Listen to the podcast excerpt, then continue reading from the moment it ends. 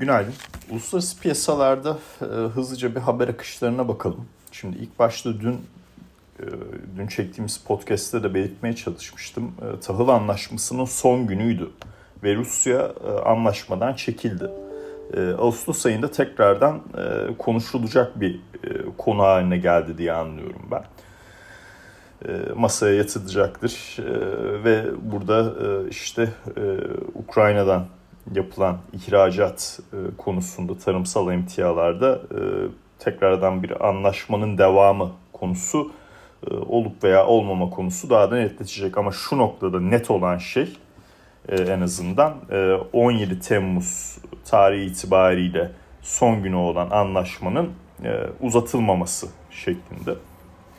Şimdi bunun tabii ilk etkisi e, tarımsal emtia fiyatlarına yansıdı. Yani e, gidip işte buğday fiyatlarına, mısır fiyatlarına bakarsanız tabii bu anlaşmanın devam ettirilmemesiyle beraber yukarı yönlü bir hareketlilik söz konusu. Peki burada şunu da anlamamız lazım. Hani Rusya niye e, anlaşmayıdan çekiliyor, uzatıyor, e, uzatmıyor? Tabii farklı farklı şeyler e, konuşulabilir. E, ama e, benim anladığım kadarıyla e, kendisinin Rusya'nın kendisinin gerçekleştirdiği ihracatlara e, tabii ambargolar olduğu için veya daha yüksek e, işte nasıl söyleyeyim daha yüksek maliyet çıkartacak noktalar da olduğundan ötürü Rusya bu durumdan rahatsız. Dolayısıyla tahıl anlaşmasını da uzatmadı. Ee, yani şimdiye kadar bu anlaşma ilk imzalandıktan sonraki e, yapılan sevkiyatlarına sevkiyatlara baktığımızda hani yarısı e, gelişmekte olan ülkelere gitmişti. E, dolayısıyla yani bu tabii insanlık adına hoş bir şey değil. Her neyse e, madalyonun farklı e, tarafında peki niye, neden diğer yarısı gelişmiş ülkelere gitti diye de sorgulayabilirsiniz. O da ayrı bir konu. Her neyse e, sonuç olarak anlaşma uzatılmadı. E, ve Ağustos ayında e, muhtemelen e, tekrardan bizim de dahil olacağımız bir e, masa etrafında bu konu e, konuşulacaktır. E, yani umarım anlaşmanın tekrardan sağlanması gerçekleşir ve yani buğday ve mısır ihracatı farklı farklı konular da var tabi devam edebilir şeklinde yorumlayayım. Şimdi diğer noktalara geçecek olursak yani dün Çin büyümesinden bahsetmiştim. Burada çeyreksel bazda baktığımızda ciddi bir ivme kaybı var ikinci çeyrekte.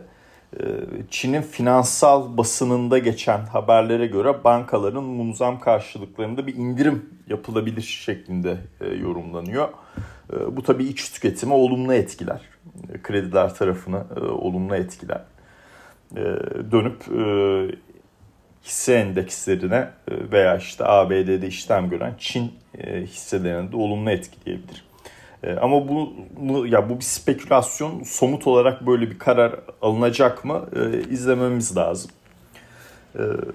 O tarafta kurumların büyüme tahminlerindeki revizyonlara baktığım zaman dünkü büyüme tahmin dünkü büyüme verisinden sonra yani Çin'in bu seneki hedefi %5 e, ve genelde %5'e yakın e, o seviyelerde e, kurumlarında işte büyük yatırım bankalarının büyüme öngörüleri söz konusu. Tabii herkesin dediği şey büyüme tarafında yeni adımların atılması lazım, teşviklerin verilmesi lazım noktasında. Devam edelim. E, hazır Çin demişken e, şimdi biliyorsunuz ABD e, yüksek teknoloji yatırımlarında Çin'e sınırlama koymuştu. Bu ne demek? İşte yarı iletkenler tarafı çip sektörü yani işte bu teknoloji savaşlarının yaşandığı alanlar yapay zeka, quantum computing gibi noktalarda bir sınırlama durumu söz konusuydu. 2024'te bu gevşetebilir, gevşetilenebilir şeklinde haber akışları var. E, olumlu tabii iki ülke arasındaki ilişkilerde ciddi bozulma olmuştu. En son balon kriziyle beraber gerçekten e, daha da kötüye gider mi bu ilişkiler e, noktasında konuşuluyordu. Hatta yani aklıma gelen şey Feyyaz Yiğit'in e, Los çok bozdu şeklindeki noktası her neyse. E, şimdi bu durum toparlıyor gibi gözüküyor. En azından ekonomik ilişkilerde bir taban nokta yakalanıyor gibi. Ne demek istiyorum? İşte Yalın'ın ziyareti, şimdi eski Dışişleri Bakanı orada e, işte iklim değişikliği konusunda ortaklaşa adımların atılması, işte küresel ısınmaya karşı ortaklaşa adımların atılması gerekliliğini vurguluyor. E, dün çıkan bu haber işte yüksek teknoloji yatırımlarının 2024'te gevşetilebileceği vesaire e, en azından ekonomik tarafta bir taban nokta bulunuyor gibi göz görülüyor. Bu da tabii hem global ekonomi açısından olumlu çünkü dünkü Çin büyüme verileri sonrası global ekonomi yani büyüme tahmini %3'lerin altına düşecek gibi görülüyor. Yani bu da iyi değil tabii. Yani global ekonominin %3'ün altına inmesi hoş bir şey değil. Bunun da nedeni işte Çin tabii çok büyük bir etken orada. Diğer önemli bir etken Hindistan. Çin tarafındaki kötü rakam bu noktayı etkiliyordu. İlişkilerin iki majör lokomotif ekonominin ABD ve Çin global bazda düşündüğümüzde e, ilişkilerin ekonomik tarafta e, daha da kötüleşmemesi global büyüme adına da olumlu bir e, noktaya götürebilir bizi. Daha da devam etmek gerekirse hazır Çin'den ABD'ye geçtik. ABD'den devam edelim. E, Goldman ABD ekonomisinin 12 ay içinde resesyona girme olasılıklarını %25'ten %20'ye düşürdü. Bu olumlu ee, yani büyüme riskleri yılın ikinci yarısında bayağı bir önem arz ediyor. Ee, ben e, hani enflasyon risklerinden biraz daha büyüme bazlı risklere göre e, varlık fiyatlamalarının gerçekleşebileceğini düşünüyorum. Yani e, bu gecikmeli etkinin enflasyonda daha da fazla görülmesiyle beraber büyüme tarafı bence daha çok önem kazanacak. Yani mesela bir örnek vereyim size farklı bir yere geçiyorum. İngiltere'ye geçiyorum şu anda. E, İngiltere'de enflasyon ciddi bir problem. Bunu daha önceden de açıkladım. E, ancak konut satışlarına baktığım zaman mesela yeni konut satışları e, son 10 yılın en düşük noktasında. Şimdi bu da tabii şu soruyu doğuruyor. Siz yani yüksek enflasyon tamam siz politika faizini yükseltiyorsunuz yükseltiyorsunuz. Bu illa para birimine olumlu yansıyacak diye bir şey değil eğer ekonomik büyüme tarafında sıkıntı yaşanmaya başlanırsa para birimi bundan negatif etkilenir. Pound tarafında da e, işte bu konut e, sektörü e, açıklaması sonrası 1.31'in aşağısındayız. Bence burada kısa vadede bir kar satışı GPP USD'de de yaşanacak diye düşünüyorum. Ee, dolayısıyla yukarı fiyatlardan kol satışı veya vadeli de aşağı e, yönlü bir e, short pozisyon e, açma bana mantıklı geliyor. Yani örnek veriyorum şu anda 1.30-81'de vadeli 1.28-1.28-50 bölgesine kadar bence bir gerileme potansiyeli GPP USD'de söz konusu. Geri geldim ABD'ye. Ne demek istiyorum? Eğer resesyon riskleri azalıyorsa bu tabii olumlu. Bunu hisse senedi fiyatlamalarında daha iyi görüyoruz. Dün S&P 500 0.4'lük bir yükseliş kaydetti. Finansallarda iyi bir performans vardı. Endüstriyellerde vardı. En iyisi tabii teknoloji sektörüydü. Şimdi kurumların tabii S&P 500 4510 direnç seviyesinin de üzerinde kapanış yaptı e, S&P'nin böyle olumlu gitmeye devam etmesi kurumların da hisse bazlı hedef fiyatlarını yukarı güncellemesine neden oluyor. Örneğin City e, Nvidia için hedef fiyatını 420'den 520'ye yükseltti.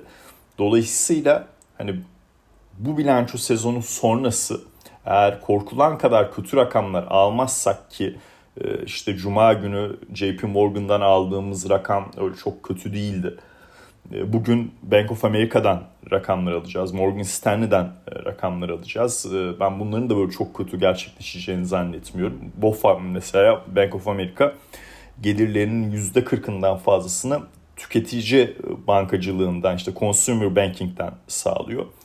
E, ABD tüketicisi de ikinci çeyrekte kötü bir durumda değildi. Dolayısıyla burada rakamların ben çok kötü olacağını zannetmiyorum. Tabii geleceğe dönük beklentiler ayrı bir soru işareti ama JP Morgan'da mesela çok ciddi negatif bir şey almadık. Hatta net faiz gelirleriyle ilgili yukarı bir revizyon aldık. Bank of America'da da benzer bir durum yaşanabilir açıkçası. Ee, dolayısıyla e, hani bu bilançolarda eğer korkulan kadar kötü olmazsa yani e, yıllık bazda S&P 500 karın, karlarının, hisse başı karlarının %9'luk bir düşüşü bekleniyor.